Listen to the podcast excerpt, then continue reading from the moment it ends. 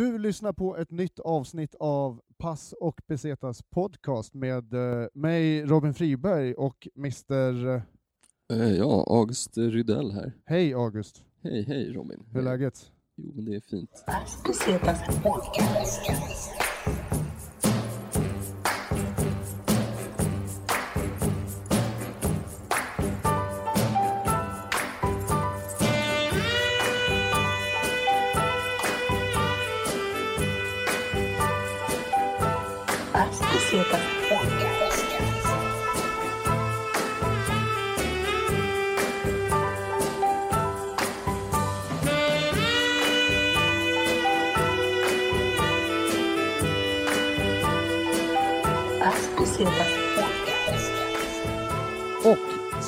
Gäst idag har vi eh, ingen annan än Jonathan Östblom Smedje.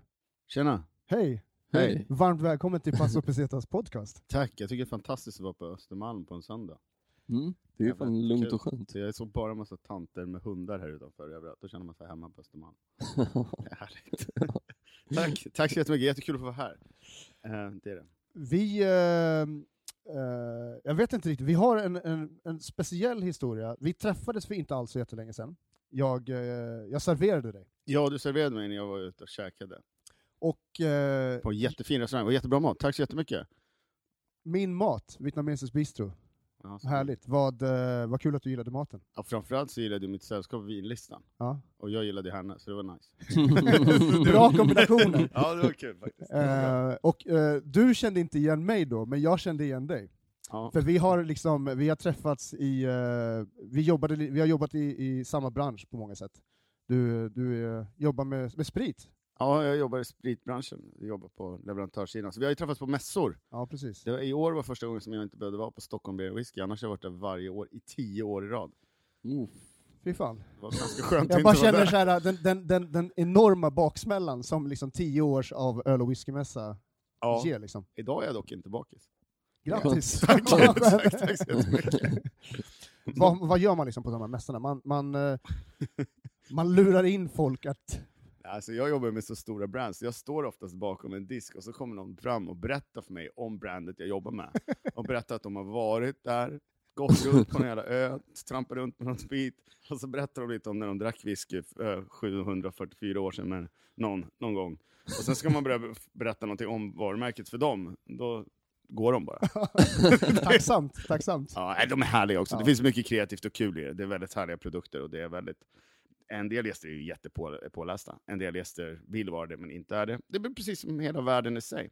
Men det är väl klart att folk har ju ett väldigt fördjupat, genuint intresse i sådana saker som de håller så kära som en flaska, flaska dopamin. Liksom. ja. Som det ändå är. Men på tal om dryck, för att, eh, det blir ju någonstans en segway till det som du eh, är väldigt aktuell med nu för tiden. Du har en podcast som heter Med eller utan is.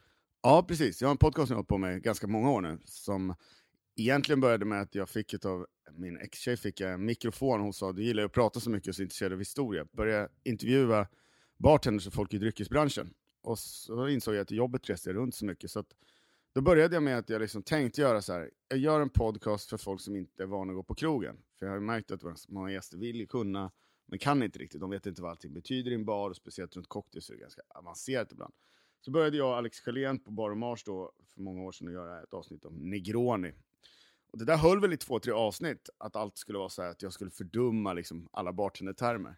Sen så slutade jag med det, och så var det faktiskt Måns Herngren som jag kände som sa till mig då att gör nu en podcast som du själv tycker är kul att göra, för annars kommer du att sluta. Och nu har det gått över 100 avsnitt och jag har inte tröttnat än faktiskt, så jag är tacksam. Så det är... och jag har gjort allt ifrån suttit liksom med eh, stjärn, på stjärnkrogar, liksom, som Lilla Ego till exempel, och gjort dryckesperspektivet, till att jag har varit på, um, stått med Madde Rapp på Attaboy klockan fem på morgonen i New York. Jag har varit på Brännlands issidor, fantastiskt avsnitt. Eh, så det är väldigt, väldigt, en väldigt spridning. Väldigt kul, väldigt härligt att kunna få göra liksom, ett bibliotek av härliga kreativa människor liksom, och mm, kunna liksom, ha det att titta tillbaka på. Tycker jag. Det är väldigt så här, det är väldigt social och eh, alltså det är en skön vibb i podden. Det är liksom så här ganska av, det är liksom inte alls någon så här pinne i röven-podd som vissa poddar är, att det är så här för strikt. Så det är behagligt att lyssna på. Liksom. Speciellt om man gillar eh, eh, mingelmiljöer med eh, alkohol inblandat. Liksom. Det är- Ja, jo, alkohol brukar kunna lätta upp det mesta. Ja. Socialt glidmedel. ja. Men eh, du nämnde det innan vi snackade lite också, att du, kör, du spelar bara in med liksom en mick eh, in, direkt in i luren, så det, du har ju din inspelningsutrustning är ju jävligt mobil och du kan ta med den vart som helst, du har den tillgänglig när som helst. Så det måste ju vara superbra grej för att få den viben också, tänker jag.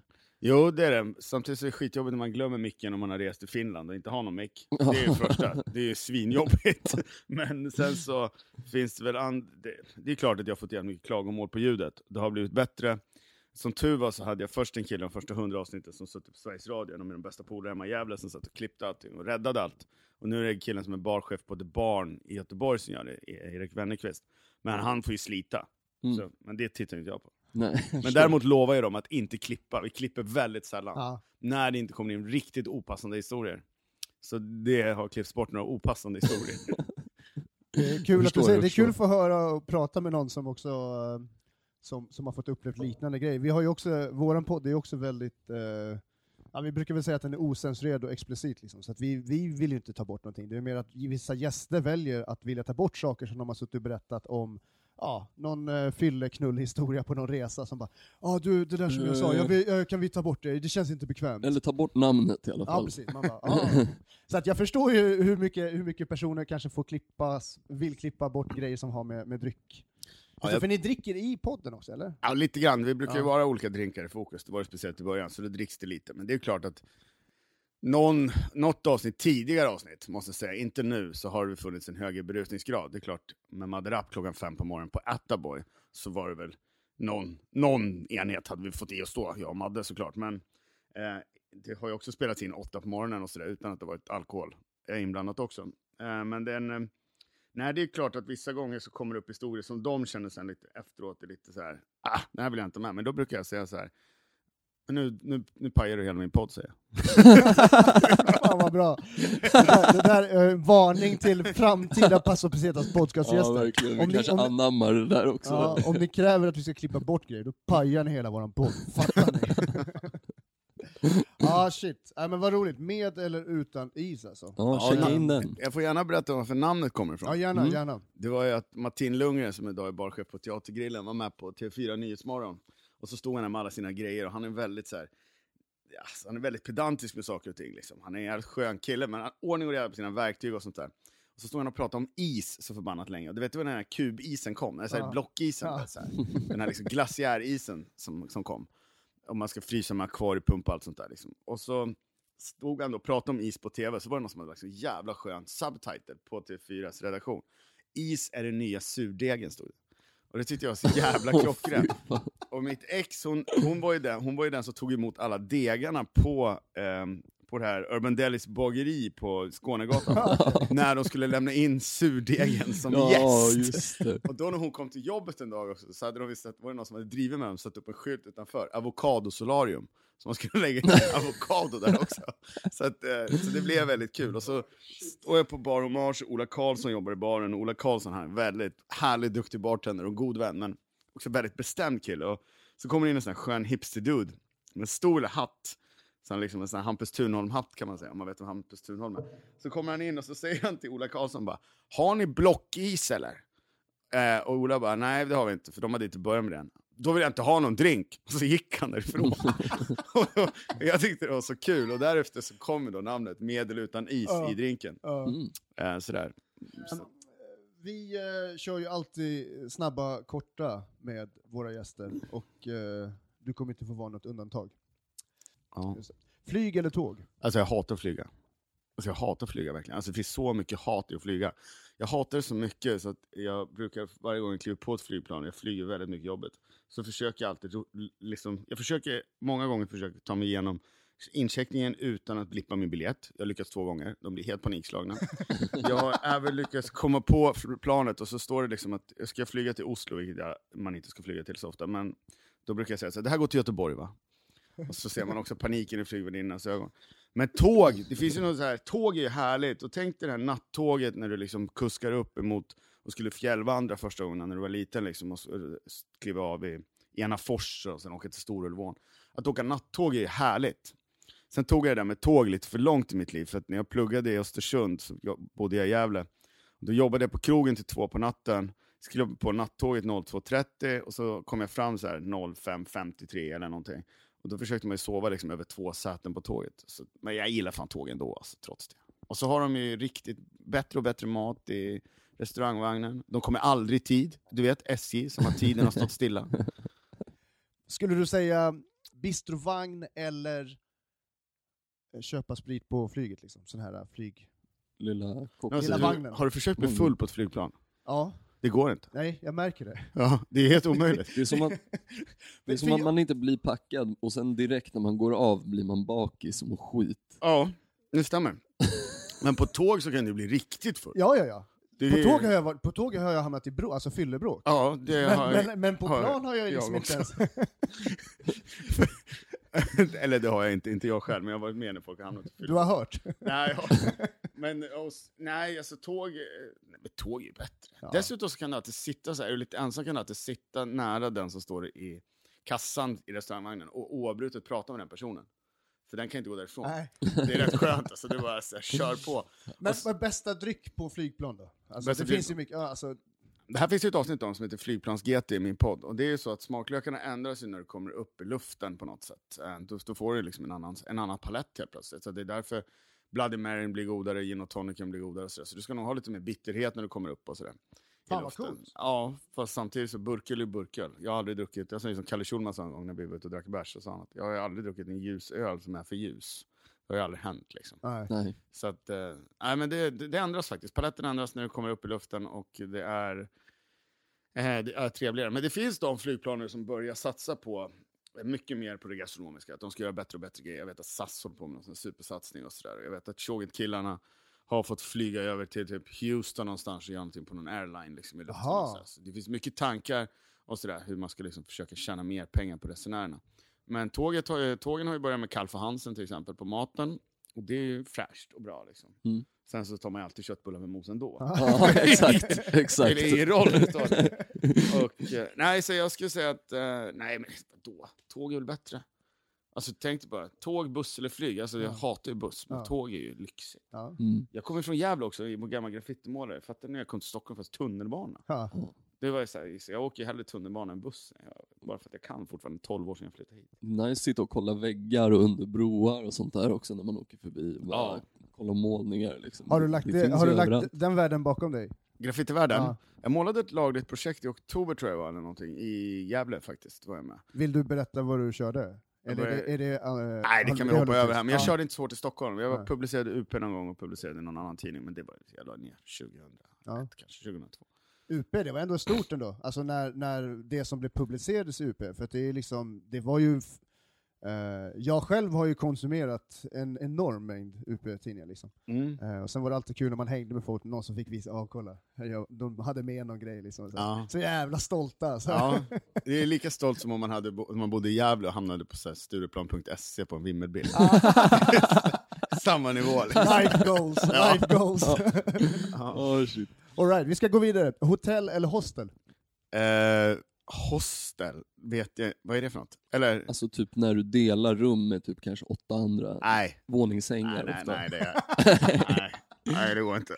Alltså, det vet jag inte. Jag, jag kommer ihåg att jag gjorde det när jag, eh, man delade det när man mönstrade i lumpen, kommer jag ihåg. Då fick man Mm. sova, jag, jag är så slarvig, jag hade inte med mig lakan. Så jag fick sova på papperslakan. Snackade, snackade stubbarna ovanför om hur vilka älgar de hade skjutit. Och det var sån total kontrast i mitt liv. Liksom. Det var så kallt i Östersund så man behövde inte rosta mackorna. Man behövde liksom inte rosta brödet för det var så jävla torr luft så att det blev ju automatiskt rostat och bara ligga framme på frukostbuffén. eh, nej, hostel skulle jag säga, det är, ja, men det är väl, jo, det är It's a kul om young du, man's game. du vill ju bo på hostel med en egen toalett och egen säng och eget rum. Ja. Men få vara med de andra som bor på hostelet, för de är skönare människor än de som bor på hotellet. Så är det. Jävligt! Det är en lifehack. Det där var on point alltså. Ja. Jävligt on point. Det tycker jag. Eller om det finns ett hostel bredvid ett hotell. Då kan du bara, oj, jag råkade, jag råkade boka hotellet. Eh, Man, nej, hänger, precis, man hänger där så går man över till Man sitt- hyr även en bara billig säng på hostelet som man inte sover i, så att Ja. man kan få hänga där. ja. man, eh, jag tror man hittar, på, man hittar nog lite roligare grejer runt folk på hostel också. Liksom. Det händer mer. Ja. Absolut. De är också absolut. mycket gladare i burköl. Mm. Det är Ja, inte ja. liksom... där får man ju, ja men där får man ju typ sitta i liksom i lobbyn och dricka sin egen burköl om man Ja. vill. Ja, exakt. Det är lite mer, det, det är lite så här, ja.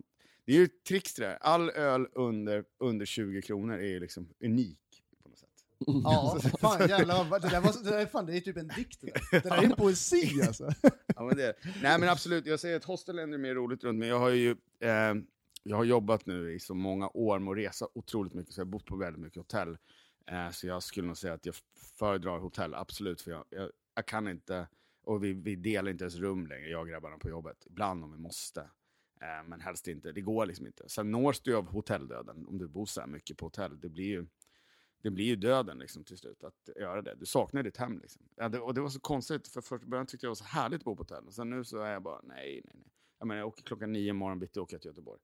Ska bo två nätter på hotell i Göteborg. Ska göra jättefeta grejer, eh, ska bli jättekul. Men eh, fortfarande liksom, de här Scandic-rummen. Och den Scandic som har två, de har fått fått för sig att det ergonomiska för personalen är att ha två 90-sängar som de kan skjuta isär så att de kan dammsuga lättare under och så här. Det är jättebra. Men hur ergonomiskt är det om du inte ska sova själv och kommer hem efter en kväll på fyllan och du bara liksom ligger två stycken i den här sängen, det rör sig lite mer än vanligt och sen bara BAM! Ligger du på golvet. Ja. Det är inte ergonomiskt. Det här har jag varit med om. Det De borde fan bra. ha någon typ såhär spännband eller någonting Ja. standard på rummet som man kan bara slänga runt dem. Ja, någonting. Det är, det är fruktansvärt. Ja, det där är fan heads up Scandic alltså. Mm, Nej, inte bara Scandic. Scandic har säkert det. Okej, många andra kedjor också. Ja, många. Men har du något hotell som är såhär, ah fan, det ska bli nice att komma tillbaks till eller? Som Ja, bara så jag har här- snott deras sängkläder. Vart var det någonstans? Eller jag har vill sno sängkläderna på PM och Vänners hotell i, i, i Växjö, för det är fantastiskt. Men eh, det, det har jag inte gjort. Eh, men däremot så ska jag säga att jag tycker faktiskt att, nu kanske behöver renoveras egentligen, men Hotel Avalon i, Hotel Avalon i Göteborg. Eh, och nu börjar det ju bli så länge sedan att renovera, så att nu är det typ retro var det. Det känns lite som att komma in på Tennstopet. Så. Ah, okej. Men de har så sköna sängkläder, det är helt fantastiskt. Eh, och sen rum 69, där är ju sängen rund. Ooh, Och så har de så här, bisarrt placerade badkar mitt i rummen och såna grejer. Plus att det är alltså 32 meter ner till en av Sveriges absolut bästa barer som är Stranger i Göteborg. Okej. Så det är fantastiskt så. Plus att jag har Ja, sett vad Carl. Philip en gång i repan också. Det är tungt. Det, är tungt. Ja. det säger ändå, det är ändå en kvalitetsstämpel. Ja. Kändisspotting Ja. alltså. Ja, där ska jag inte bo imorgon. Fan vad tråkigt. Ja. Men Avalon i Göteborg säger jag, det är faktiskt... eh, Och sen, jo men det är klart att jag tycker You and Me i Umeå också, när man kan komma direkt, liksom ta hissen ner till Open Close, som också är en av mina absolut bästa barer. Eh, det tycker jag är trevligt. Det är också så här, det är liksom ett hostelhotell, men du har allting i ditt rum, och skönt plus en bra utsikt. Liksom. Ja, det, det, det tycker jag om. Nej, Jag, tycker om eh, jag tyckte mycket om Renaissance i Malmö, nu var det länge sedan jag bodde där. Eh, ja, det, det, Det finns, det finns en del ändå som du, ja, som du gillar. Det Vart, vart eh, bara en liten parentes här, vart eh, i världen har du liksom haft den mest intressantaste hotellupplevelsen? Alltså om vi säger kanske typ hotellbar. Jag vet exakt vad du menar och jag har ett bra svar här. Jag eh, be- besöker Kentucky ganska mycket, som ligger i USA. Det är en delstat med fem miljoner invånare. Eh, gateway to the South. Det räcker att du kliver av planet så går du upp tre kilo i vikt för att insulinnivån i luften typ är högre. eh, och sen så flyger jag, är jag där en vecka eh, tillsammans med Erik och Mackan. Var. Nej, med, jag var där med, med Ola från Bar och Mars och Kalle Schulman. Vi var där och spelade in podd och lite annat. Så åkte vi till Chicago, så var jag i Chicago, så skulle jag tillbaka till Kentucky. Och då hade jag väl slarvat med att boka hotellrum. Touché va, kan man ju tänka sig. Så bokade vi via hotels.com, ett hotell som jag brukar bo på, kommer dit och då har de ju blivit fel på deras sida, så jag får inget rum. Men eh, hon från Expedia då, som äger hotels.com, hon bara Men du, we're gonna get something for you man, don't worry, we're gonna get something for you. Och så ringer hon tillbaka efter så här 37 minuter liksom. Sorry man, but uh, we're out of, out of hotel rooms now in Louisville, Kentucky. And, but we're gonna send you to another place, but we're gonna make sure you get the VIP room man. Så då skickar de mig med en taxi liksom, rakt ut i ingenstansland. Eh, typ alla städer där ser ut som att det är bara en massa drive-in McDonalds och Taco Bell som har flyttats ihop. Liksom. Och så finns det då ett motell där och hon bara oh, “You're gonna get the suit man”. Så kommer jag in, börjar bo i en trerums jävla lägenhet och jag är fan mörkrädd. Alltså det var skitläskigt. Låg standard, svinstort. Typ tre rum, flera badrum och grejer. Jag har till och med film på det här. Det var helt bisarrt läskigt. Sova där inne, det var som att sova i ett ödehus. Liksom. Och vi som bor i Stockholm, vi har ju så här, du vet, två skolådor. Alltså, vi har, jag har inte ens böcker i min lägenhet för kvadratmeterpriset för att handhålla böckerna blir för högt. Ja. Så litet bor vi här. Ja. Och där bara, nej, det var ju och ja, I USA är det så, allting ska vara skitstort överallt. Det var ju helt bisarr upplevelse. Eller när jag och Emil Oreng och Rom-Robban åker till New York, och, eh, eller vi ska till USA också, boka ett rum i New York. Nära det här Attaboy jag berättade om som är helt härlig bar. Så jag bara, men ta det här rummet för att det är billigt liksom, och det ligger nära. Det visar sig att det är billigt för att de håller på och bilar ut rummen bredvid. Oh. Så att det var liksom inga rum i rummen bredvid, men vårat var färdigställt, eller våra rum var färdigställda. Så det gick ju inte sova. Och vi hade ju inte samma dygnsrytm som andra. Så vi Nej. ville ju sova på dagen. Då ville ju de bila också. Ja. Ja. Fy helvete alltså. street Eller när jag fick vägglöss i Filippinerna. Oh, Oh, bedbugs alltså. Har du fått bedbugs? Aldrig. aldrig. Alltså du blir så sönderbiten. Så det var- också så här, helt sönderbiten. Och det var jag och två tjejkompisar som delade rum. Och den ena tjejen hon hittade någon härlig kille eller något sånt där som hon tyckte att hon kunde bo med honom på det rummet för att få lite egen vuxentid där. Och jag och den andra tjejen bor där. Och vi får ju så här bedbugs som blir ganska dåliga utav det här. Så här fullt sönderbitna. Så och blir hon- feta bett, typ som myggbett? Ja, det, tänk dig myggbett som du inte kan förklara. För du vet ju Ja. inte vad det är först. Nej. Och det blir som, ja, det var riktigt så här. Lite så att du får eh, någon lätt panikkänsla i kroppen. Ja, det kliar hela tiden. va? Så ja, det kliar till så blir det lite så dåsig. Och sen har man väl varit ut också en del. ehm, där och hittat mycket öl under 20 kronor. Fantastiskt ställe. Fantastiskt ställe. Men Så kroppen är helt svag också. Ja, det var ju- Immunförsvaret är Ja, är alltså, paj liksom. så den här tjejen, den andra tjejkompisen, så jag bara, nu måste vi gå till läkaren för vi måste få penicillin eller någonting. Så. Och hon bara, mm, ja, okej då. Och så bara, vi måste tvätta alla våra grejer. Hon som ägde hostelet eller vad vi bodde på, eller det här hotell, halvhotellet, hon vägrade tvätta våra kläder tills vi började bråka. Men så tog jag med henne till läkaren, och så tog det ganska lång tid att komma in till läkaren. Och min tjejkompis då, hon måste ju också blivit helt koko. Hon bara, titta på mig bara, Jonathan, det här är min semester. Tror du att jag vill spendera den så här? Och jag bara, Ja, fast nu är ju du också sönderbiten på hela kroppen. Men visst, stick du om du vill. Det är bara att dra liksom. Det var verkligen så här, som ett trotsigt barn som bara, äh. Ja, ni, sitter ju lite, ni satt ju lite grann i samma Som båt. Liksom. båt liksom. Ja, jo, men det var ju också lite så här, jag var ju tvungen att ta det där lite, li, lite mer ansvaret liksom. Att försöka få bort de här bedbugs, Ja. kände jag. Ja. Jag kände inte att det var fräscht med bedbugs. Nej, det är ju fan, alltså, alla säger ju att det suger fucking Ja, balle liksom, ja totalt. totalt. Det, det, jag vet inte om jag blev biten på ballen, det minns jag faktiskt inte. Men, alltså, nej. nej, det var riktigt, eh, det var inte alls kul. Ja, fy fan alltså.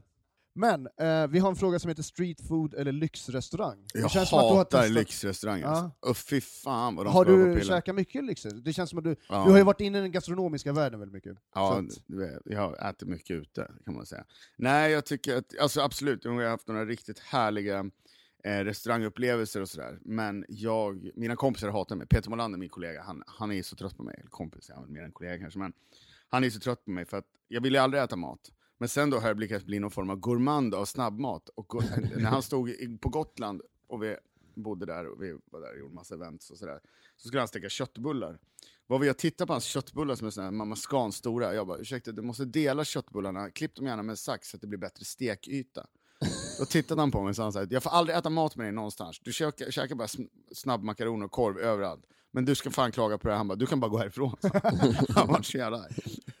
Men, men och, helt sant, för övrigt. Med stekyta? Ja, helt Ja. sant! Alltså det blir en god, det blir en annan textur, Ja. och det, liksom, det blir så jättegott, det tar fram en helt andra smaker ur liksom, Ja. du har helt rätt. Och så blir det liksom så här, uh, det blir fler goda bitar än en stor halvgod Ja, bit. Liksom. jag vet. Jag såg det Det- där Vår tid är nu, eller vad heter det? Nej, den, på, innan vi dör såg jag i morse. Eller var det då jag somnade, det var därför jag kom sent. Men då såg han ju steker såna här stora köttbullar. Det ser ut som att han steker tennisbollar. Det Ja. ser fan inte gott ut. Alltså. Och så, det, man fattar ju att det där är så fabrik. Det är så fabrik, så man, klipper man dem i alla fall med sax så finns det lite, det är lite craftsmanship i det. Mm. Man har ändå klippt dem med Ja, sax. ja, ja, visst. Ja, men absolut, absolut, absolut. Öppnat förpackningen på något sätt. Ja. Liksom. Ja, det, det är det verkligen. Nej, men street streetfood jag älskar jag. Jag tycker det är skitkul med streetfood. Jag, jag tycker det är supergott. Jag tycker att less is more är jättebra. Eh, och sådär. Så det är jag ett stort fan av. Jag tycker ofta att det blir för mycket på lyxrestaurangen och sånt där. Och ibland så har man ju liksom glömt bort smaker och sånt där. Dock har jag inte ätit på Franzén. Eh, vilket jag skulle vilja göra. Jag har käkat lite stjärnkrogar och sånt där. Eh, men jag tycker liksom att det, det jag blir mest imponerad av nästan, det är en bra guacamole. Liksom. Bra avokadorör liksom, tycker jag är grymt. Liksom. Och sen hamburgare tycker jag också, jag tycker det är skönt med den här hamburgertrenden som har liksom höjt eh, nivån i hela Stockholm. Flipping Burgers, Jon Widegren kommer från Gävle. Eh, också med respekt till honom. Han är både en härlig person och duktig. Lådan sliders tycker jag är jättegott. Alltså, jag tycker Frankies hamburgare.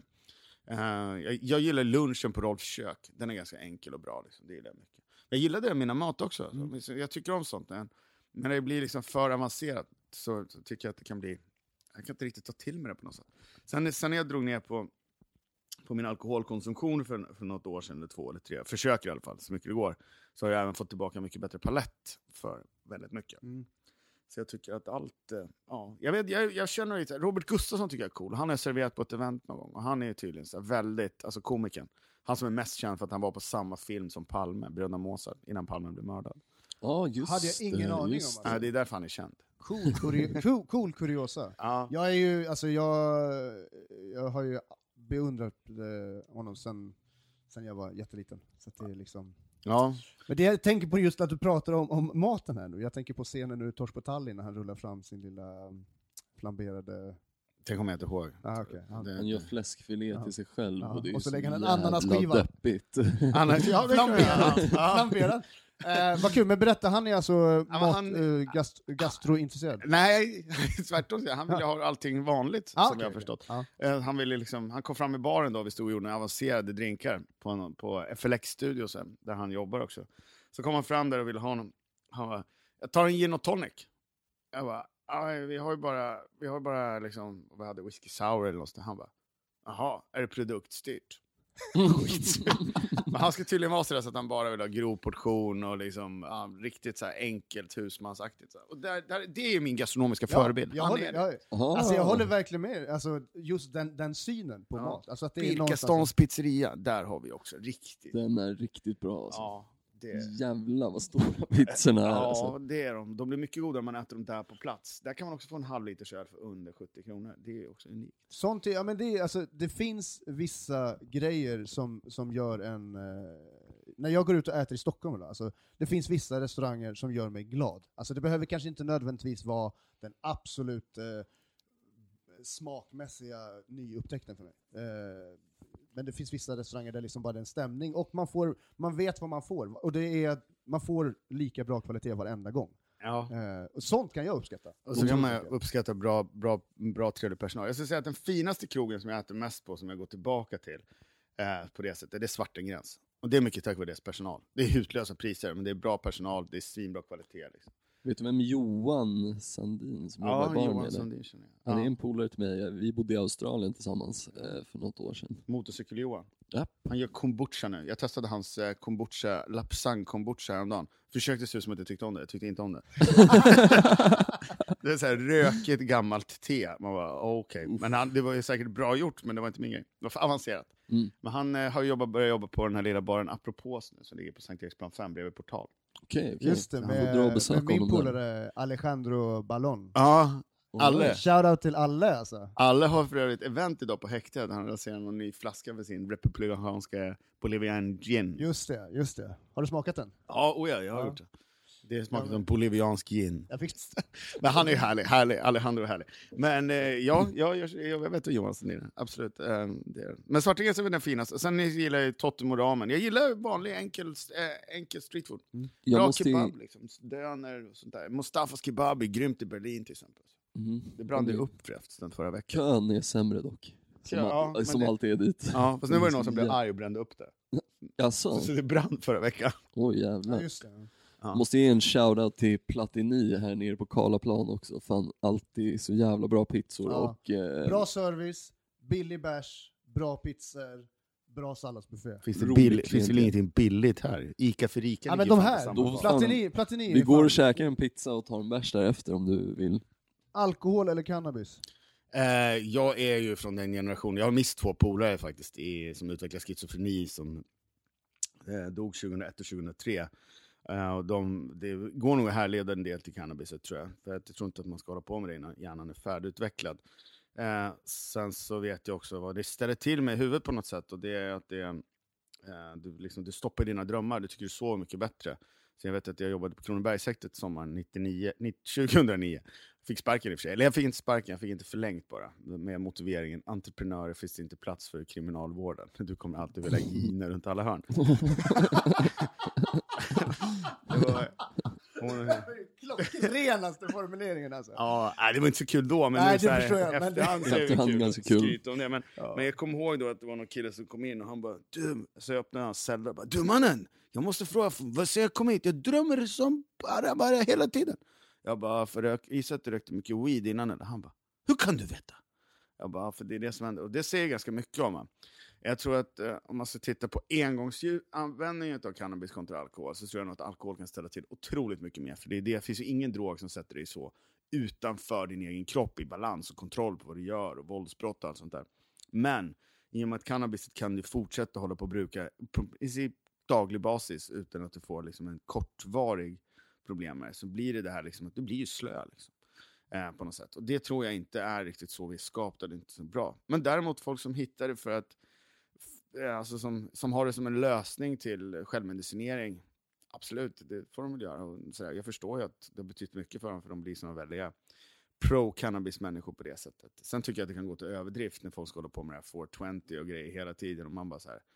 Okej, ja vi fattar det här nu. Vi fattar, dina föräldrar är kulturarbetare och du är döpt till ett obskyrt namn och du är född 92 och bor på Södermalm. Liksom. Man bara, du har inte ens råd. Alltså, man, vi har fattat grejen, liksom. det är lugnt. Mm.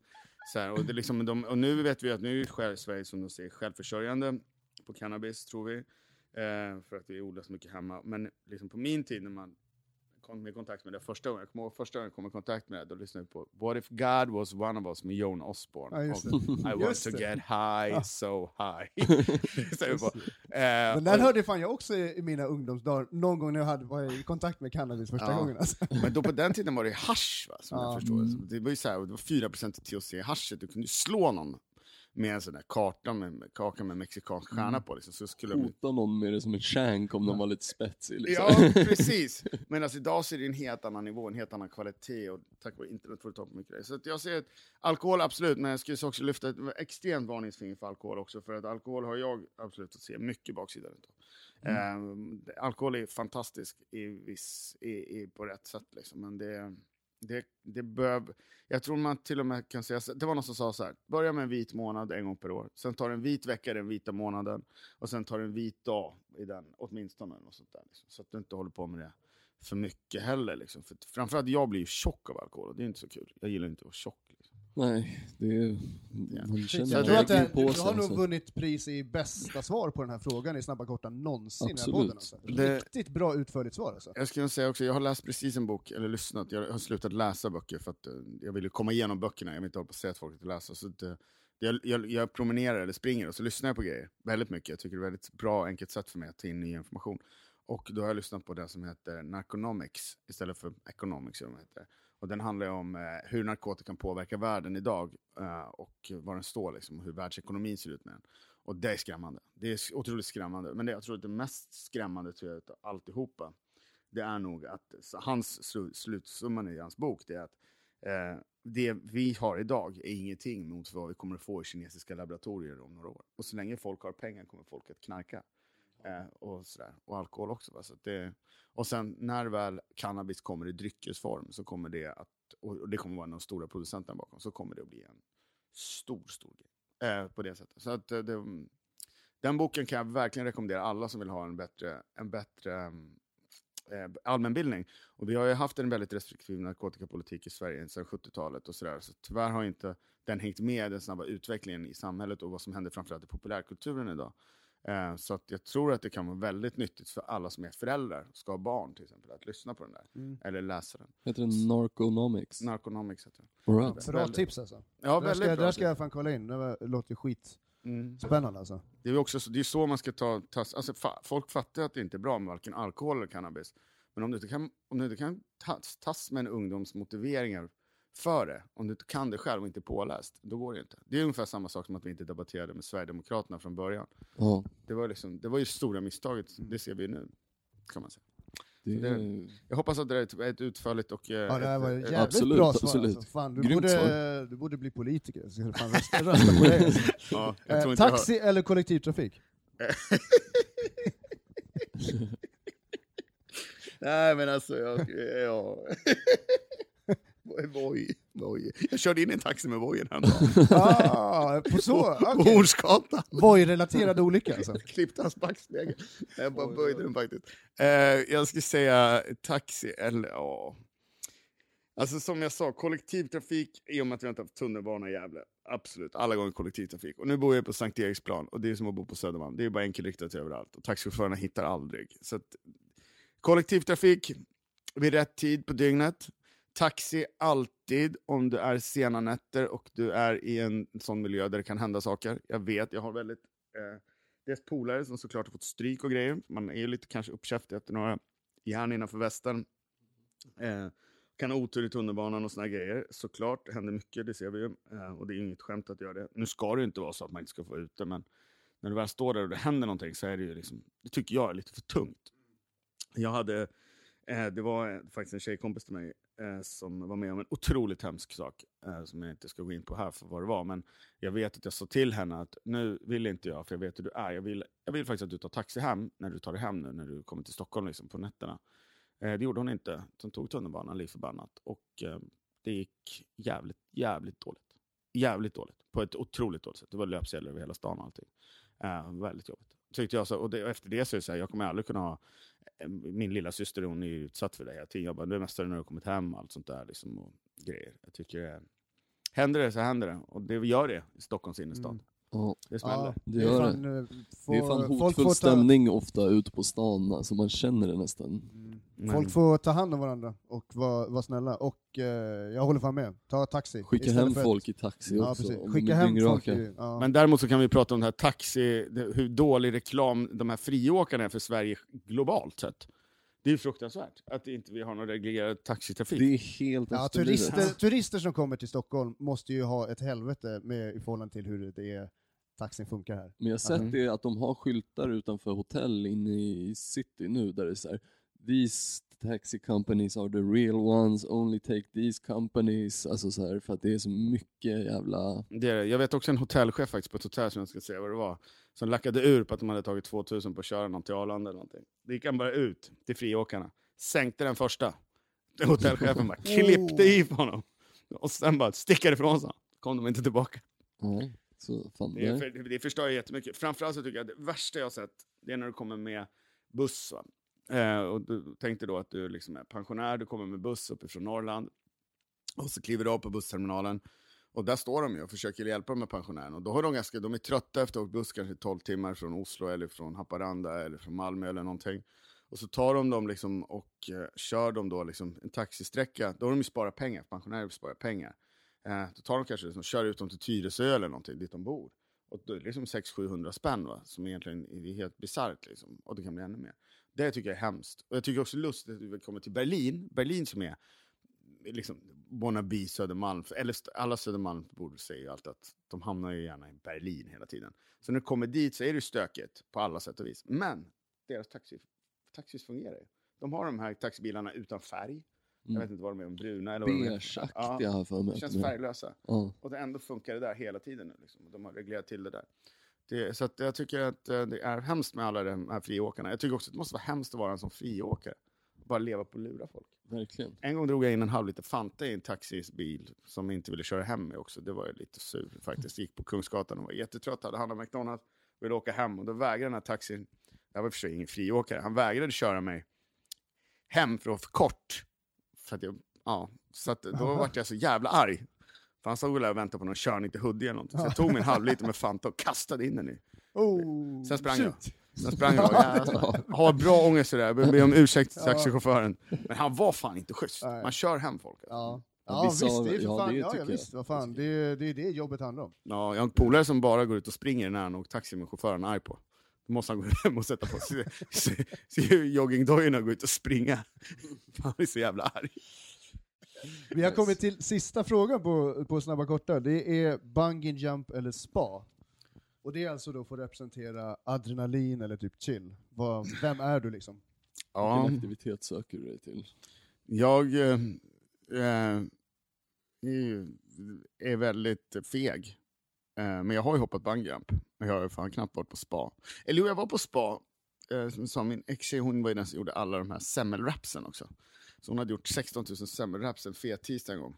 Då fick hon av mig att vi gick till det Sturebadet på spa. Eh, hon tog av sig sin Bismarcklänk då, kommer jag ihåg, och la den i badrums, eh, badrocksjack, bad, badrocksfickan. Eh, och den fick hon aldrig tillbaka. Så det blev jävligt dyr spa-upplevelse. Kan jag säga, det är det dyraste spat jag varit på. Men, eh, men annars så, jag hoppade bungyjump 99, va? 99, ja i samband med att jag jobbade på Kreta hoppade jag bungyjump. Eh, det var eh, aldrig om. Fy fan, läskigt det var. Sen hoppade jag fallskärm tio år senare, kanske lite mindre än tio år senare. Och det var ju också skithemskt. Det var ännu värre, efter det blev jag flygrädd. Så jag tror att jag tar de här adrenalingrejerna för att det ser bättre ut när jag pratar med er här. Men ah, alltså när jag målade tåg och sådär, inte fan var jag först fram på tågen. Eller? Jag var först därifrån för att inte torska, det, det var jag garanterat. Så att, Ja, men så, fan, jag, jag känner nog igen det där också. alltså. Ja, men, nej men det, men det, nej, fan. Nej, alltså inte, ja. Man, man kanske ger- är något mellanting här då? jag tror jag skulle behöva lite mer adrenalin så att jag inte försökte gå ut på krogen och tro att det skulle vara så kul hela tiden. Jag skulle behöva. Eh, nej, jag vet inte. Ja, äh, svår fråga. Jag tar spa, men det är fast jag säger adrenalin. Jag förstår. Eh, du, du, nämnde ju, du nämnde ju Kreta 99 här. Ja. Eh, och eh, som en liten callback till ett annat avsnitt som, som vi hade i den här podden, alltså avsnitt 72, så började vi vårt lilla arbete om eh, vi har börjat med lite researcharbete i podden om, om, om inkastare och jobbet som inkastare. Mm. Och på Kreta 99 så jobbade du som där. Ja, jag gjorde. Eh, jag, var, jag gjorde karriär som inkastare. Det gjorde. Det här är helt otroligt. Ja. Ja. Så att det är liksom, det, är den, det kommer vara din historia här i podden. Liksom. Ja, det blir... Ja. Vad, ja, det, eh, vart börjar vi någonstans i, i historien? vi började väl på att jag, jag skulle börja jobba efter... Ja, det var sommar 98 var en jättevarm sommar och jag hade tagit studenten. Eh, I Gävle då eller? Ja, tagit studenten och så ville de ha in mig. Jag ville ju inte göra riktig militärplikt, så jag gjorde civilplikt. Försökte ta mig ur den där civilplikten, men fick inte, tog mig inte ur den. Så att, eh, ja, när jag kom hem från civilplikten så bara, jag måste skaffa ett jobb. Och så fick jag jobb på McDonalds. Och eh, då jobbade jag på McDonalds. Och så, liksom, när vintern började komma där, man kände så här, det här livet man har liksom. Är det så här det ska vara liksom? Då var, alltså jag var ju svinbra, jag kunde göra sex Big Macs på, på, på så här 60 sekunder. Var grymt. Då, då fick man göra sex Big Macs på tallrikarna på McDonalds, nu får man bara göra fyra. Okej. Ja, det var jävligt härligt. Och så, jag älskar att stå i den där kön på McDonalds när de kom fram. Bara, ta en Big Mac Company, så tittar jag på dem och bara, tyvärr den har utgått i sortimentet. alltså, det var så jävla roligt att se det. deras, deras blick. Och så, serverade jag Rolf Lassgård en gång. Jag. Vad fan, så det, fantastiskt. Vad köpte han? Eller vad beställde han? Minns du? P- QP tror jag. Mm. Ja, jag tog en QP igår, så jag fodorade här McDonalds igår. Det kan man göra. Då tog jag QP, det smakar mycket bättre. Kan man göra det? Alltså? Ja. Jag har alltså snackat, jag diskuterar med min sambo vad det är för människor som ens gör det. Och så här, det finns säkert människor som gör det. Och du är en av de Ja, jag har människorna. gjort det två gånger nu. Men jag rekommenderar inte Big Macen, den blir sur alltså. Det är, det är också, Uber Eats tog jag också. Ja, det, var, ja, det, var, det var bra. Eh, det, det var inte så bra, men eh, de har tagit bort hot chili-såsen också. Det suger inte finns. Alltså. Det är ett jätteproblem. McDonalds, lyssna nu. Mm. Nej, men så att, då, vårt liv var ju så här, med, jag och min polare Mattias, vi, jag, jag var lite pådrivande där, så, så nu måste vi iväg. Liksom. Vi måste, nu ska vi liksom, livet ska börja. Liksom. Nu, nu ska vi bara... Så gick vi in på resebyrån på Ticket och så bara tja! Bara, vi ska ut och säsongsarbeta. Liksom. Vi har ju typ sett Sällskapsresan ungefär. Så nu ska vi göra det här. Så här. Och så de bara, vart börjar säsongen först? De bara, ja, den börjar kanske...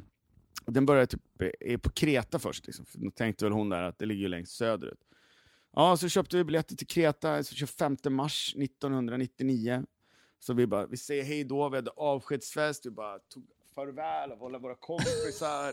Du vet såhär. Fan, vad äkta, var, alltså. ja, Ja. det var ju fett äkta. Så alltihopa. Målade min sista graffitimålning liksom. Var, du vet såhär. Ja, så hej då till någon tjej som knappt kommer ihåg vad de heter idag, eller de vet ju inte vad jag heter idag heller såklart. Liksom. Allting var så här uppbrottet, var ju så totalt. Liksom. Så flyger vi ner till Kreta, landar där då 25 mars eller någonting. Det var ju en stor resa för oss då, två grabbar som precis skulle fylla 20. Eh, och så landar vi på Kreta. Det finns ju inte en människa på Kreta i mars. Det var ju helt tomt. Det fanns inte en person. Det var helt sjukt alltså hur det där hur det utspelade sig. Att, att, eh, det var, de bara så här, men av vad tidigt ni kommer. Och då såg de ju chansen att ta de små semesterpengarna vi hade utav oss istället. Så att, eh, ja, vi, hängde runt där och tittade på när folk målade upp sina ställen och sånt där. Och så sökte vi jobb, men det fanns ju inga jobb att söka riktigt. Ehm, vi hittade någon lägenhet som vi hyrde. Allting gick ganska bra. Alltså, det flöt på rätt bra tyckte jag. Så här. Eh, och sen till slut, och så, bara- det var ju inkastare han skulle bli liksom. Det förstod man. Det är Kamaki heter. Kamaki. Men det var då det var det enda alternativet eller? Nej, det fanns ju andra alternativ också. Men, eh, Men alltså för er, typ, alltså det var typ det som ni skulle kunna ens... alltså, det var ju det, det var ju att vara Kamaki eller vara bartender. Mm. Eh, Och kamaki, det är alltså ett grekiskt ord som betyder inkastare, eller är det begrepp? Ja, de kan ju ha lurat mig, jag har ju gått runt och sagt det här nu i 20 år senare. det var vad som helst. Alltså. Men det var väl det de sa, det kallades för kamaki att vara inkastare. Det var ju mycket show då där. Ja. Vi var på, i Chersonissos på Kreta, här längs bargatan. Det var mycket show liksom. Så att jag jobbade ju på något ställe när säsongen väl började dra igång. Så var det ju liksom, det helt sjukt också. Det var så här högstadieklasser som kom ner. Som gick i nian och åkte dit och söp. Alltså så här, man bara, okej. det- och så man bara, vem fan släpper iväg sitt barn på Ja, sånt? Varför ja. gör de det? Ja. Nej, det är... det alltså, Vad tror de liksom? Alltså, nej, fan, min pappa släpper inte ens med mig till Stureplan idag. Liksom. Alltså, det är helt, man bara, nej, det var ju bisarrt. Så då stod man ju där och så ja, började jag på ett Hur ställe. fick ni jobbet? Alltså hur sökte ni det här jobbet på restaurang? Det är en restaurang där eller? Alltså det här är ju... En bar? Ja, jag vet inte. Ska jag definiera Ja men med dina, dina mått mätta då, då? Alltså inte vad du vet Det är idag. mer- Idag har du väl andra krav på vad en bar eller liksom... Men vad, vad så, hur såg stället ut? Tänk ett riktigt jävla dåligt soapbar. Då är ni alltså på det stället, och Nej men vi sökte inte jobb, man Nej. gick ju bara in och sa så här, hej finns det jobb? Och det fick man ju liksom. Och de, så, lönen var ju så, den var, den var ju drachmer. Drachmer alltså. Just det. Ja. Fan, det kommer jag ihåg från när man var liten och var i Grekland med morsan. Alltså. Det var innan krisen. Det, var, var det, det var ganska höga så här, valörer på dem, typ så här, Ja. i 10 000 har jag för mig. Ja, det var något sånt där. Jag tror jag tjänade om det var 10 000 drachmer per kväll. Men jag började på ett ställe som hette Baja bar. Hi- sen en kille som heter Nico. Han var jävligt galen. Sitt klart han heter Nico. Ja, men sen fick jag flytta därifrån till Mapona bar. Fick lite mer betalt, för det var väl lite mer drag. Han Janis på Mapona hade lite mer pengar. Sen så flyttade jag till något som hette Elephant bar kanske. Eller någonting. Ja, så var jag där ett tag. Men min polare jobbade oftast i baren, så jag slängde in folk och sen tog han hand om dem när de kom in då. Tills han blev arg på, på barägarna, vilket han blev ganska ofta. Så då sa han upp sig på plats och gick därifrån. Så jag kunde ju stå liksom, kasta in folk och så se hur han bara reser sig och går därifrån och bara drar. Det måste ju vara den här klassiska, eh, tar, tar typ slängen eller någonting, kastar i ansiktet på ägaren och går därifrån. Alltså Ja. det som bara är på, på film egentligen. Ja, precis. Han gjorde sådana grejer ofta. Det Fan vad kul. härligt, det är ju drömmen ändå. Alltså, Ja. Jag har alltid drömt om att vilja göra så någon gång i mitt liv. Ja, testa med honom. Han är kul. Han gjorde det många, han gjorde många gånger. Uh, nej, så många gånger har jag inte gjort. Han är en fin kille. Men eh, ändå, de var väl inte så lätt att jobba för grekerna heller.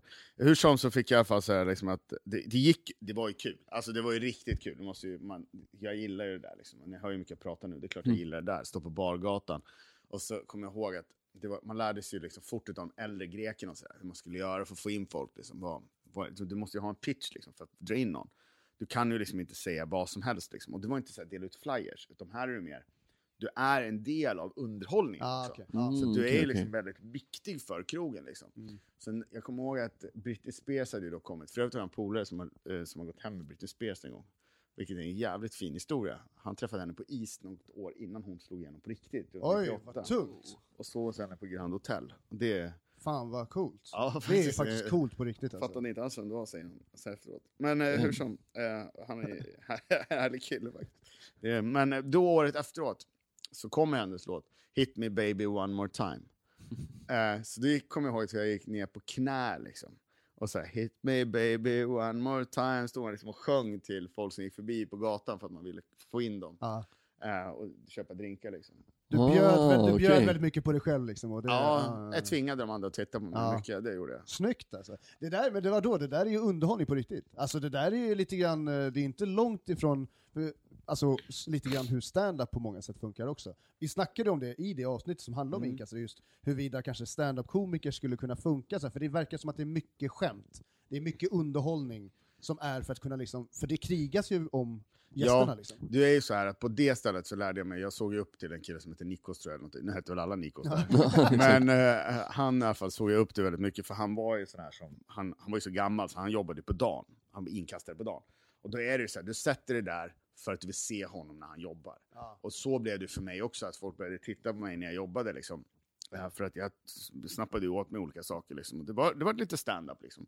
Jag kommer ihåg han Nico, jag tittade på honom hela dagen när han jobbade och snodde några av hans skämt, gjorde jag absolut. Men han hade ett där han, liksom, man hämtade, bargatan var emellan och så hämtade man liksom in i restaurangen, eller baren, eller kaféet eller vad det var, och så gick man över till den här terrassen kan man säga. Då hade han haft alltid en kaffekopp som han satte, liksom, eh, han satte skeden i örat på den och så gick han och liksom låtsades att han spillde liksom, Ah. på folk. Fast han inte gjorde det. Den har jag fortsatt köra med på släktmiddagar fortfarande. Liksom. De är så trötta på mig, min bara, Klirr! Oj! Det var ingenting där. Så hade han en riktigt hemsk. En riktigt hemsk, det var när han tog eh, en pappersservett och stod en grenadin i pappersservetten. Och så tog han en vattenspruta och så kom det någon liksom, med magkort tröja. Då gick han och bara atsjo! Och sprayade dem då med vatten. Och sen bara tittade han ner i den här servetten med grenadin som att han hade blod. Det var helt sjukt. Oj, oj, oj. Jävlar, det var ganska, Ja, det var ganska edgy alltså. Det är Ja, det gjorde han. jävligt edgy. Nej, det är väldigt mycket andra roliga skämt också. Och sen en gång, när han, verkligen, när han fick min attention på riktigt, då ställde han sig, han bara, ja, måste ju, vill ni se hur det ser ut när det går för en Eskimo? Och folk bara, ja visst. Så då stod han liksom showade för alla där. Då tog han isbit, hade han isbitar i handen, så stod han liksom och låtsasrunkade och så kastade han ut isbitarna som att var liksom Åh jävlar! fryst Eskimo. Jävlar! Det Fan det är ändå, men vad fan. Han hade, varit, alltså, han hade gjort det här hela livet. ja, det är, han- det är, ja, han kanske gör det fortfarande. Jag vet Det inte. här, känns, det här tycker jag låter underhållande. Den Det här var- restaurangen, jag vill bara sitta där bara du be, be, berättar om det. Ja, jag tror den hette Vanilla, tror jag, något sånt där. Och det var också så här, jag körde en dag på dagen, och då så kom jag ut och sålde English breakfast till skitmycket br- brittiska snubbar som är trevliga. Eh, och sen så liksom, så kom de till mig och så sa de så här, The food was shit, but you were good. Det, det är ju fantastiskt. Komplimang. Ja, Riktigt det var ju också där. Jag gjorde min första drink där någon gång också. Den var ju, min första drink var ju då på eh, med för mycket grenadin i och det har jag fått, äta, fått äta upp ganska mycket sen dess. För att det, de som var med då tyckte det var väldigt kul att jag som nu ska ha lite koll på drinkar gjorde en med alldeles mycket grenadin idag. Men hur som så var det ju Vilken så. drink var det? Det kommer jag inte ihåg, det var grenadin i alla fall. Vi drack mycket tequila sunrise Ja, då, jag kan tänka mig det. det ska åka, grenadin ska skära igenom va, för att Ja. skapa någon jävla solnedgång. Va, typ. Precis, det var ju den där, liksom, drinkarna som gick då, det var ju det som kom ifrån 80-talsdrinkböckerna va, fortfarande på det sättet. Så det var ju den här fruktjuicen och sånt där. Det är sånt du inte dricker idag. Men, men däremot så träffar man ju väldigt mycket folk från väldigt mycket olika nationaliteter. Så jag lärde mig att säga två för en på flera olika språk. så liksom två halen och en betalen, det är på holländska. Holländska turister var jävligt bra. Lite nyckeln in i kyken och sånt där, sådana ord. Eh, och sen så Prendi due pagiono tror jag det heter på italienska. Det är ganska fel de uttalar, men jag lärde mig flera olika språk. Hade väldigt kul med det där och det gick bra. Men så var det ett tillfälle där som faktiskt inte var så kul. Eh, det var, eh, och det var när det fanns ett ställe som hette Bio Bio, det ligger fortfarande kvar där. Hoppas inte de här grekerna ska lyssna på den här podden nu, då hemsöker de mig. Men det låg där i alla fall mitt emellan och då säger han så här, den killen som jag hade lärt känna lite grann, det var fyra ägare. Han som var lite snällare, han, sa, han hette Jannis, han bara Kom för att prata med dig, så. Jag bara, ja visst. Du, på engelska, han bara, det bästa är nog om du flyttar, äh, alltså vi vill inte ha kvar dig här. Vi kör Sonny Flytta till Chania, som ligger på andra sidan ön. Jag bara, nej, ja vadå? Antingen det, eller så tror jag nog att mina polare skyller lite på de andra. Kommer, kommer de nog placera dig i Medelhavet. Så jag Så. blev liksom hotad. Du blev Eh, Det här, var utkörd. alltså inte, det här var alltså inte ett skämt från hans sida? Det var nog inte ett skämt från hans sida, men jag var väl så smart så att jag gick väl till min grekiska chef och berättade om det. Eh, och sen löste väl de det sinsemellan, för jag hörde aldrig något mer om det. Liksom. Man kan inte hålla på och hota, hota, folk, hota folk med att man ska bada dem i Medelhavet. Men det var ju kul, för det var ju ett kvitto på att jag var duktig på det jag gjorde. Ja, precis. Exakt. Och så flyttade jag liksom, jag flyttade på gatan. För jag vet att jag fick flytta för jag fick liksom lite högre lön när jag bytte ställe. Liksom, för jag Ja, var lite duktig, jag kände att det var en karriär det här. Alltså. Ja, Eh, och eh, så åkte man upp i nätterna upp i bergen efter att man hade jobbat klart. Så åkte man upp i bergen någon moppe. Det var helt sjukt, man körde moppe fast man hade druckit utan hjälm. Det var ju en sån här grej man aldrig skulle göra idag. Idag vill man ju knappt köra Voi. utan liksom. eh, så att, och jag kommer att krascha på moppen också, nykter såklart. För bromsen tillbaka är inte den till vänster. Utan var, så jag flög Ja. över styret. Ja, precis. Eh, skrapade upp mig ordentligt. Och så. Eh, men och man åkte upp i bergen, det var härligt liksom. Sov ju hela dagarna typ, så man var ju aldrig brun. Synd. Lärde känna mycket folk, vi hade väldigt kul, liksom, mycket trevligt. Men så hade vi en annan tillfälle som inte heller var speciellt kul faktiskt, så här, efterhand, men nyttigt att ha varit med om. Det var att vi hade en irländare som bodde hos oss i vår lägenhet. Vi hade tre sängar i vår lägenhet. Så bodde han där, men han var lite gladare i sponken. än vad vi var. Eller han var ganska glad i sponken kan man säga. Men han passade även på att börja med lägenhetsinbrott. För att dryga ut kassan. Liksom. Ja. Det kan ju vara skönt. Vet, få in lite cash liksom. Men det är ju rätt mycket saker då som du måste baxa någonstans. Alltså, Ja. Då tog han ju hem det till vår lägenhet, sakerna. Ja, och sen ska man sälja skiten också. Ja, men det var inte hans prio tror jag riktigt, sälja, för det var en prio att dricka mer. Så att, eh, det sket han i. Men då hade vi inte bott hemma på ett tag, för vi hade hängt med några härliga irländska tjejer som hängde med, både jag och min polare. Men en natt så orkade jag liksom inte bo i den lägenheten, så jag och en tjej som vi hängde med då, vi eh, åkte hem till min lägenhet och sov där. Och så på morgonen bara började banka på dörren. Jag bara, vad fan händer? Och då ligger den här irländaren och sover helt utslagen. Helt utslagen. Och så öppnar jag dörren. Det här är en sann historia. Utanför dörren så står det en kille som ser ut som Lilla Fridolf. Fast han är längre än mig ändå liksom. Stor mage, allting. Han har en fet jävla ficklampa i handen. Alltså tänk dig en sån här riktig polisficklampa. Ja. Maglite Ja, deluxe. Maglite deluxe, ja, precis. Liksom. Ingen så här, alltså, ja. Den, vä- den är en batong också liksom. Alltså Ja. det är ju fucking slägga nästan. Exakt. Bredvid honom så har han två stycken valloner, eller vad man säger. Alltså holländare. Du vet den här stora holländarvarianten. Tänk dig en förvuxen Marco van Basten. Typ. Ja, okej. Såhär skogshuggar Ja, riktigt. snubbar typ. Utan tröjor också. Så de står där utanför som en typ så här superhjältetrio eller en ja, bödeltrio eller någonting. Och bara säger till mig, We want our stuff back. Och jag bara, uh, okej. Eh, ja, vänta lite. Så jag bara vänder mig om och går in i lägenheten och bara, Mike, it's, it's for you. Var, du, var du rädd eller? Var du... Alltså, jag var inte så rädd då, för de såg på mig tror jag, att jag inte, lite tillbaka på den där adrenalin och spa-grejen, så tror jag att det är väl ingen riktigt som tror att, att speciellt inte jag nykter där på morgonen med en tjej i lägenheten ska liksom bara, ja det var jag. Jag bara, I have some money saved there, för man hade liksom sparat alla pengarna på, jag hade sparat alla mina pengar någonstans, som jag, hade liksom, så här, var ganska duktig under den här tiden. Eller, ja. Så att de börjar lägga fram alla grejer som han har stulit. Så här, jag har ingen aning vad han har där. Och det är typ hur mycket saker som helst som är så här, som han har stulit. Han och hans polare har varit gjort det. Så de ringer polisen. Mm. Så polisen kommer. och Tjejen får ju gå därifrån, men polisen kommer och plockar ut honom och mig med handbojor. Genom hela vårt hus. Alltså shit. grekisk polis, handbojor. 20 år gammal precis. Mm. Den var, eh, den var inte sådär alltså. Och så bara kommer vi in på polisstationen. Eh, och de pratar inte engelska. Eh, på något sätt lyckades jag nog få... ja, Jag vet att min australiensiska polare skulle hämta mig också. Så han kom dit och råkade också bli intagen samtidigt. Eh, så att australiensiska ambassaden ringer i alla fall till polisen och börjar fråga vad som händer. Och till slut i alla fall, vi sitter vi, vi, får aldrig gå ner i fängelse liksom, eller i, man säger. Men till slut så tittar den här, eh, tit, tittar de på den här irländaren bara, "Oh, did they have something to do with it? Och han bara så här, no, they did not. Och så då fick vi gå. Och så tittade han på oss och så sa han så här, så sa han så här, han bara, tänk dig jävligt noga för vilka du umgås med i fortsättningen. Och det har man inte gjort, nu sitter man här med er till exempel. Men eh, Shit, vilken... sen åkte vi och hälsade på honom i fängelse också, eh, i Iraklion. Hälsade på honom i fängelse för han satt där, det var helt sjukt. Alltså. Vi köpte en limpa cigg till honom och så, här. så han, Jag har aldrig sett honom sedan dess faktiskt. Jag tror att han kom ut och så här, klarade sig bra. Men.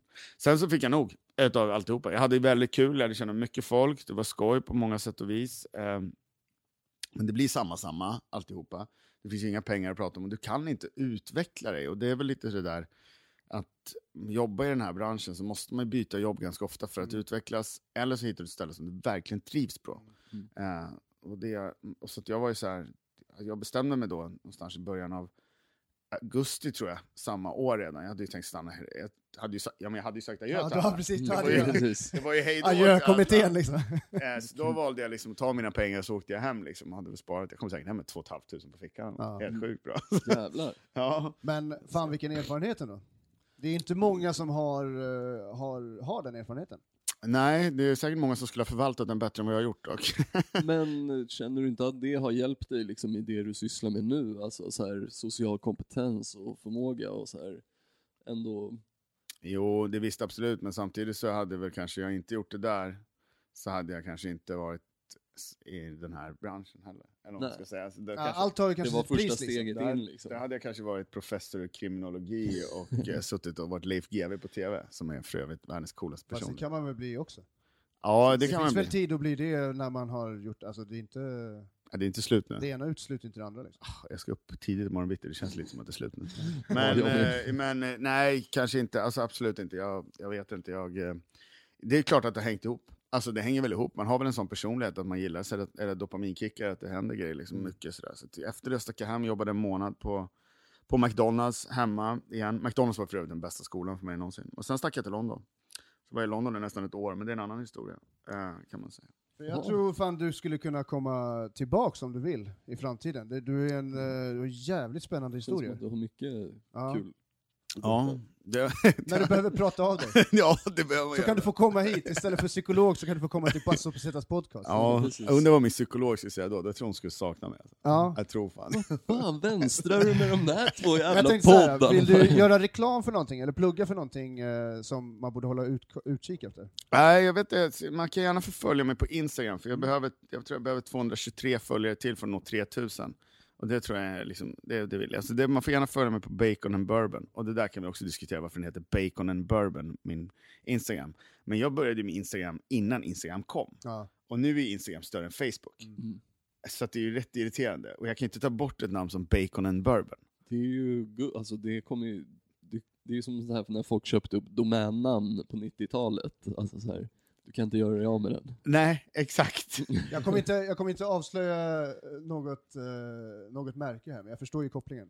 Ja, ja, ja kopplingen är ganska klar där. Det är den. Eh, det, är den. Ja, men det tycker jag är kul. Sen är det roligt om folk, om man är intresserad av dryck och sådär, om man hittar något avsnitt i podden som är intressant så tycker jag att det kan man lyssna på. Jag tycker avsnitt 100 på Grand Hotel med Måns Herngren blev ett bra avsnitt. Mm. Måns är en härlig karaktär, tyckte han gör det bra. Att lyssna på hans historier är fantastiskt roligt. Ska Skön, faktiskt... Behaglig röst att lyssna på. En otroligt behaglig berättarröst. Ja, han är väldigt bra. Vi ska faktiskt ner, han ringde precis här, vi ska ner till eh, vi ska ner i Göteborg nu och jag och min kollega ska hjälpa honom att göra slutfesten för produktionen på Vår tid är nu på, på tisdag, så där jag drinkar. Det ska bli väldigt kul. Fan vad fett.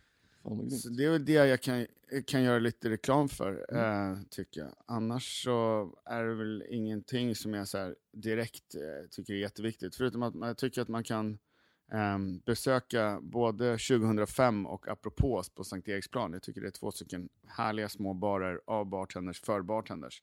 Eller vad man ska säga. Så jag tycker det är värda ett besök. Många andra barer också, men de ligger så varmt om hjärtat för de är så nära där jag bor. Jag tycker det är härligt att se i Sverige får, måste du ha ett kök för att bygga en bar. Men om du har lyckats trassla dig till så pass mycket och få fram en bar utan att ha ett stort kök bredvid eller någonting sånt där, så tycker jag att man har gjort det väldigt bra. Och jag vet hur mycket 2005-killarna har slitit, jag vet hur mycket Apropos-killarna har slitit för att få det, få det att fungera. Sånt tycker jag är värt. Nu finns det fler barer i Sverige än dem. Alltså, så Ja, det jag håller med. Apropå så är ju väldigt, det är ju mycket kärlek till inredningen och liksom bara hela... Man kan få gå dit och kolla på mina porslinsdjur, har jag berättat om dem? Nej? Nej? Jag samlar ju på porslinsdjur på Apropos. Så när jag är ute och reser så, så vad heter det, så, f- får- får- så här köper jag ofta porslinsdjur som jag ställer där. Man kan gå dit och så kan man titta på dem, liksom, alla mina porslinsdjur. Jag har, ska fan, vi, vi ska in Jonathans upp ett... porslinsdjurs Mm. samlingsutställning. det är riktigt bisarrast det är en katt som har två kattungar i porslin och de ja, är kopplade till den stora katten. Det är helt bisarrt.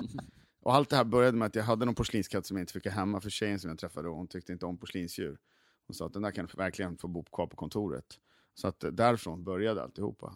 Sådär. Så det finns en stor isbjörn där också som man kan tända rökelse i. Så att det luktar hela rummet. Fan. Fan, vad jag ska nog försöka göra så här med min apsamling. Jag har ju massa apor som jag samlat på sedan jag var liten. Oj, jag kanske kan köpa någon. Uh, alltså jag är ju, de är ju som min familj. Liksom. Ja. Det är liksom, jag ska, måste ju göra, det är ett av mina samlings, eh, mina hårdare grejer, det är ju små apor. Liksom. Ja, däremot skulle jag vilja ha tillbaka en av hundarna som har blivit stulen därifrån. Jag köpte en hund som var handmålad, stod i alla fall på den, eh, utanför MBK i Bangkok i vintras för 100 baht. Släpade hem den, ställde den på bardisken tillsammans med en annan hund som står kvar. Men så är det någon jävel som inte har kunnat låta bli att sno den. Och det tycker jag fan, det är okej, du kan sno vad fan du vill på, på Spybar eller något sånt där tycker jag. På Mm. något sätt liksom, när du är ute. Om du tar, det är någon som har gått ut med kandelaber från Spybar, det tycker jag är helt okej, respekt. Ja, Men att sno en liten hund, nej. Ett sånt litet... Så om ni, om ni ser eller eh, hör någonting om också. den här hunden, så ska den tillbaks till apropos. Ja. Ni behöver inte ens komma fram, bara få tillbaks Ställ hunden. tillbaks den Ja. bara. Vi ska fan böta för det. Ja. All right. men eh, tusen tack för att du har varit med i Passo Pesetas podcast. Ja, Jonathan ja. Östblom Smedje. Det har varit ett sant nöje alltså. Tack så jättemycket hörni. Stort tack. Vi hoppas att få ha dig tillbaka någon gång. Ja, jag hoppas få komma tillbaka. Och in och lyssna på Med eller utan is. Ja. Och nu ska vi ner på Platini. Ja, Käka jag pizza. hoppas det. Yes, Käka alright. pizza, ta en bärs. Ha det gott. Ja. Tja, tja. Hej då. Hej. Podcast.